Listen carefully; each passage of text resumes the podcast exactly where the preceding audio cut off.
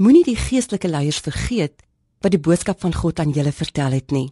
Kyk hoe hulle geleef het totdat hulle dood is en vertrou dan op die Here, net soos hulle op hom vertrou het. Hebreërs 13 vers 7.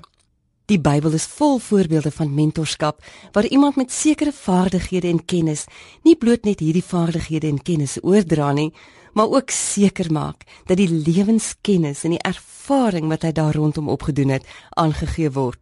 Dit lei gewoonlik tot 'n nabye verhouding waaruit ons veel kan leer en wat dikwels 'n lewenslange verbintenis kan word.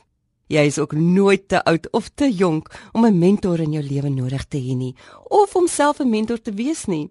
Dit wys die woord vir ons duidelik aan deur vele voorbeelde van mentorskap, soos veral Daniël en sy drie vriende en Paulus en Timoteus. Ons kan almal baat met 'n Paulusfiguur in ons lewens, iemand wat ons geestelik leiding kan gee met liefde en geduld.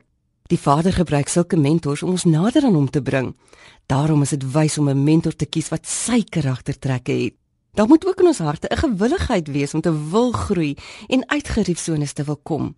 'n Ware mentor dag jou uit om te groei.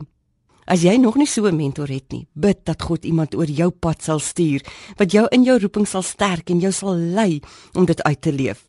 Bly aan die leer en veral ook aan die leer oor die woord.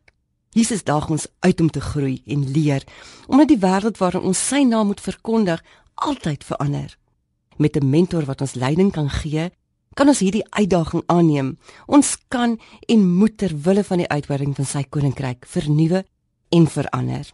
Kom ons maak dit oop toe. Vader, ons bid dat U 'n leermeester vir ons sal stuur wat veel meer as kennis met ons sal deel, maar ook liefde vir U kinders, U woord en U skepping. Amen.